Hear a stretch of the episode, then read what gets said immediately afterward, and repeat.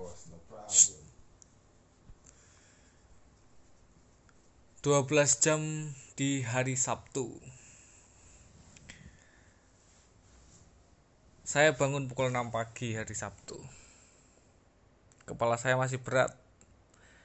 Dengan gerakan lamban, saya tarik pintu kulkas dan saya ambil segenggam buncis di dalam plastik bening. Lalu daging giling dari lemari pembeku.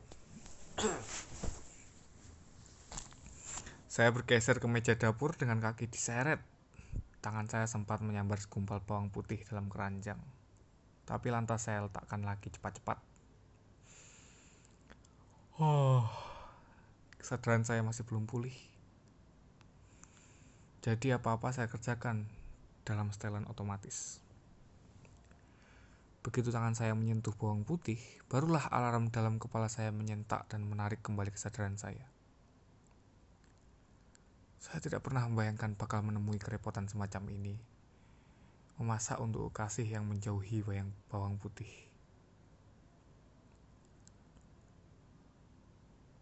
Baunya aku tak tahan, sedikit saja bikin mual, kata perempuan penghindar bawang putih itu.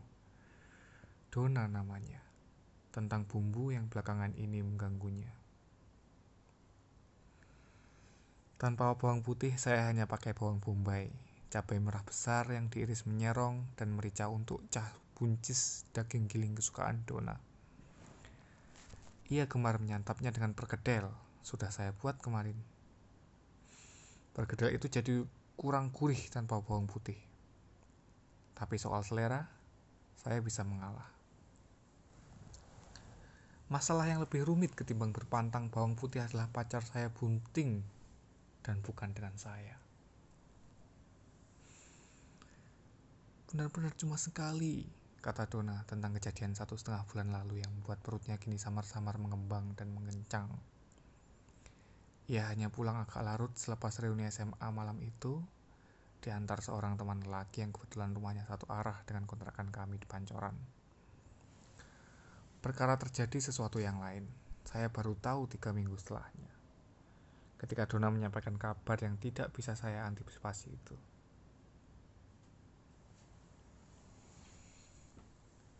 Kita mesti menyelamatkan dia mumpung masih sempat. Itu yang dikatakan Dona sesudah menjelas-jelaskan kepada saya tentang kecelakaan itu. Dona yang ceroboh, ceroboh dan dingin. Dia yang Dona maksud adalah bakal bayi yang sekarang menyarang dalam peranakannya. Ia bahkan terlalu risih menyebutnya janin. Bunting adalah kata lain yang membuatnya geli dan menyelamatkan berarti Jangan sampai dia tumbuh semakin besar, lalu betul-betul lahir di bumi yang kurang menguntungkan ini. Saya bangun pukul 6 pagi hari ini, hari yang Dona sebut hari penyelamatan. Sabtu adalah waktu yang baik untuk aktivitas yang bakal membutuhkan istirahat. Ia tidak perlu berangkat ke kantor asuransi jiwa, tempatnya bekerja dan masih punya minggu untuk berbaring seharian. Jika belum cukup, mengambil cuti atau beralasan sakit pada hari Senin masih memungkinkan. Sementara saya sudah membacakan, membatalkan kursus piano seorang anak binaan saya hari ini. Maaf, saya tidak enak badan. Saya tukar jadwalnya minggu depan. Begitulah saya bilang kepada orang tua anak itu malam tadi.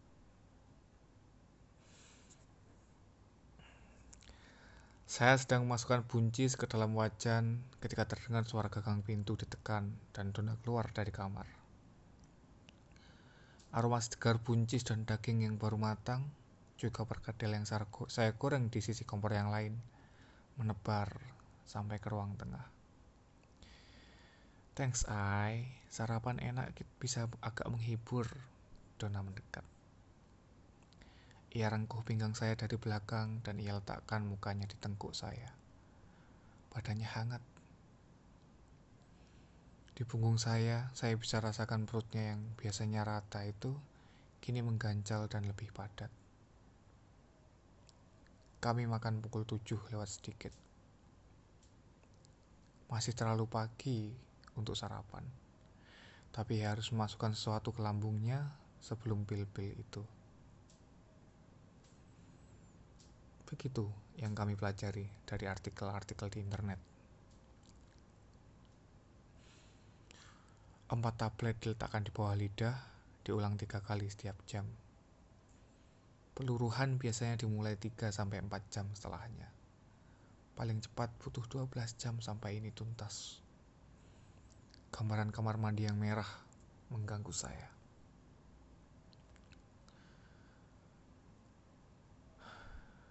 Dona melucuti empat butir pil dari kemasannya Pil-pil yang saya beli beberapa hari lalu di apotek kecil berjarak kira-kira 30 menit perjalanan dari kontrakan kami. Itu obat penyedar nyeri sendi sebetulnya, tetapi kandungan tertentunya menyebabkan kontraksi pada perempuan hamil. Harus dibeli dengan resep dokter. Untunglah, ada sebuah situs web yang menyertakan petunjuk berguna. Anda dapat berpura-pura bahwa nenek Anda sedang berkunjung dan sedang kesakitan karena mengalami kelainan persendian yang sangat parah dan beliau lupa membawa obatnya. Maka itulah yang saya katakan kepada pegawai apotek.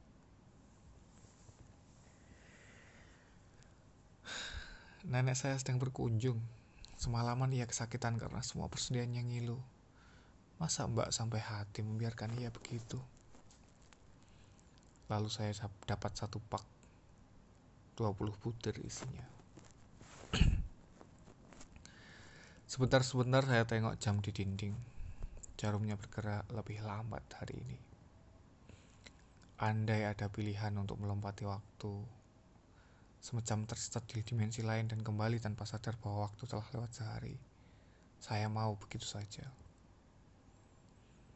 lalu bangun seperti biasa pada hari minggu yang normal, tanpa tablet-tablet, tanpa cabang bayi yang bertumbuh di, di tubuh kekasih saya.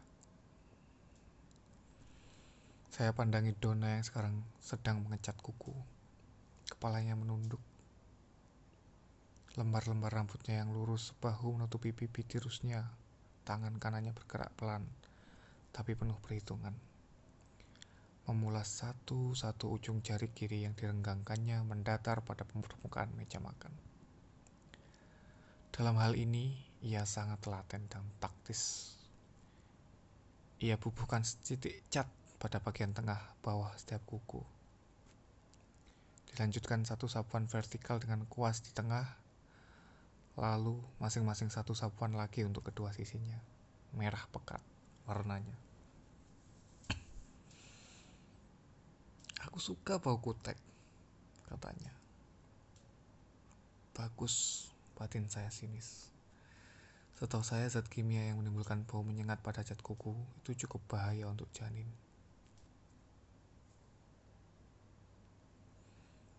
Oh iya, menurut artikel itu, berapa persen kemungkinan gagal untuk usia 7 minggu? 0,5 saya menyahut. Oke, ini mestinya berakhir baik. Apa yang baik dan tidak, saya tak begitu pasti lagi. Saya butuh melonggarkan pikiran. Saya jalan ke arah Yamaha Airus, Yamaha Arius di dekat jendela yang menghadap timur. Ini pukul 9 dan angin dingin dari musim hujan yang datang terlambat menyusup lewat celah sempit daun jendela yang dibuka sedikit. Jemari saya menekan ruas-ruas papan nada. Instrumen sederhana yang lembut cocok dipentaskan dalam pertunjukan kecil yang intim. Aku selalu lupa judulnya, padahal sering kamu mainkan ya, kata Donna. Traumerei, Mozart, Schumann. Dengar, ia sedang mainkannya untukmu. Ya ampun, kau bicara begitu sama sejabang bayi. Bisa-bisanya. Saya melentangkan suara piano. Saya tidak sedang bermain untuk Dona atau janinnya. Saya sendirilah yang ternyata butuh dihibur. Sepuluh jari saya maraton membunyikan melodi-melodi yang melintas di kepala. Moonlight Sonata, G minor Bach, Claire de Lime, songs my mother taught me, La Vie en Rose. Dona bersenandung kecil ketika saya mainkan yang ini. Menjadi pianis memang cita-citamu ya? Ia menarik satu majalah dari rak dan pindah duduk ke sofa. Saya melirikkan volume. Saya menikmatinya. Mengejar piano apa mengajar piano apa menariknya? Banyak.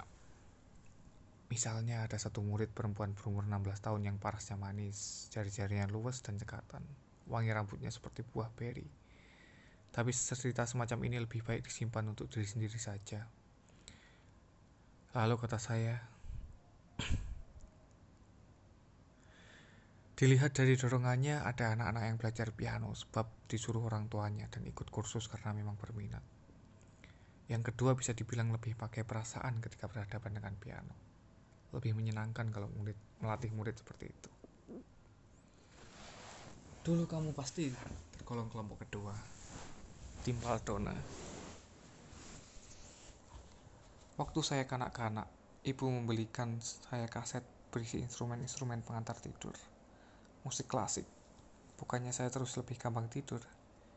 Yang terjadi malah sebaliknya. Setiap kaset diputar, telinga saya seperti selalu terjaga Ibu menyisihkan uang, termasuk dengan menghentikan langganan majalah yang selalu ia tunggu-tunggu setiap minggu. Ia membiayai saya kursus piano paket paling murah. Hmm, dia ibu yang baik ya, ibumu. Dan gurumu orang yang beruntung. Saya baru enam tahun. Minat saya tinggi, tapi kemampuan motorik halus belum. Guru tidak serta-merta mengajari saya bermain piano ia minta saya latihan dulu mewarnai buku yang sudah digarisinya. Saya menggorisinya dengan pensil warna. Tidak boleh keluar garis, begitu aturannya. Makin lama, ruang yang dibuatnya di antara garis makin tipis. Saya makin mampu mencapai presisi saat menekan tuts-tuts. Sekarang saya meniru caranya ketika mengajar. Anak-anak itu menyukainya. Kamu suka anak-anak? Saya tidak menanggapi. Kamu tabu? Andaikan kita ingin punya anak kesempatan kita mungkin cuma satu kali cuma satu kali ini saja. Ini juga pernyataan yang tidak perlu dikomentari. Apa aku ini jahat? Siapa bisa menghakimi Dona kamu terdengar kayak habis baca kitab suci terakhir waktu seorang teman menikah tiga tahun lalu saya mengecek waktu lagi. Dalam 30 menit Dona mesti mengisap empat pil yang kedua. Saya gugup. Saya ingin membunyikan piano-piano keras. Saya ingin membunyikan piano keras-keras seperti tadi. Lebih keras. Tapi itu juga tak akan mempan mengalihkan rasa tak nyaman yang makin mengusik. Saya sedang berpikir untuk masak sesuatu yang lain demi menyibukkan diri ketika tiba-tiba perut saya terasa seperti diremas-remas. Celana dalam saya basah dan hangat. Saya bergegas ke ruang tidur, masuk kamar mandi, lalu mengambil asam mefenamat dari kotak obat di atas kulkas. Kamu haid, kata Dona. Mudah-mudahan yang ini tidak senyeri biasanya. Lalu ia berucap lagi. Apa nanti akan sakit sekali? Kali ini ia bicara tentang dirinya mungkin lebih nyeri daripada menstruasi. Itu yang saya baca dari sebuah blog. Dan dia, akankah merasa sakit? Saya tidak tahu. Pinggul saya pegal dan perut saya mulas sekarang. Saya duduk di sebelah kanan Dona. Ia melingkarkan lengan di pinggang saya dan menyandarkan kepala di bahu saya. Ada yang basah dan hangat menjalar pelan pada bagian pundak kaos tipis saya. Ini belum jam 11. Saya ingin mengakhiri hari ini lekas-lekas.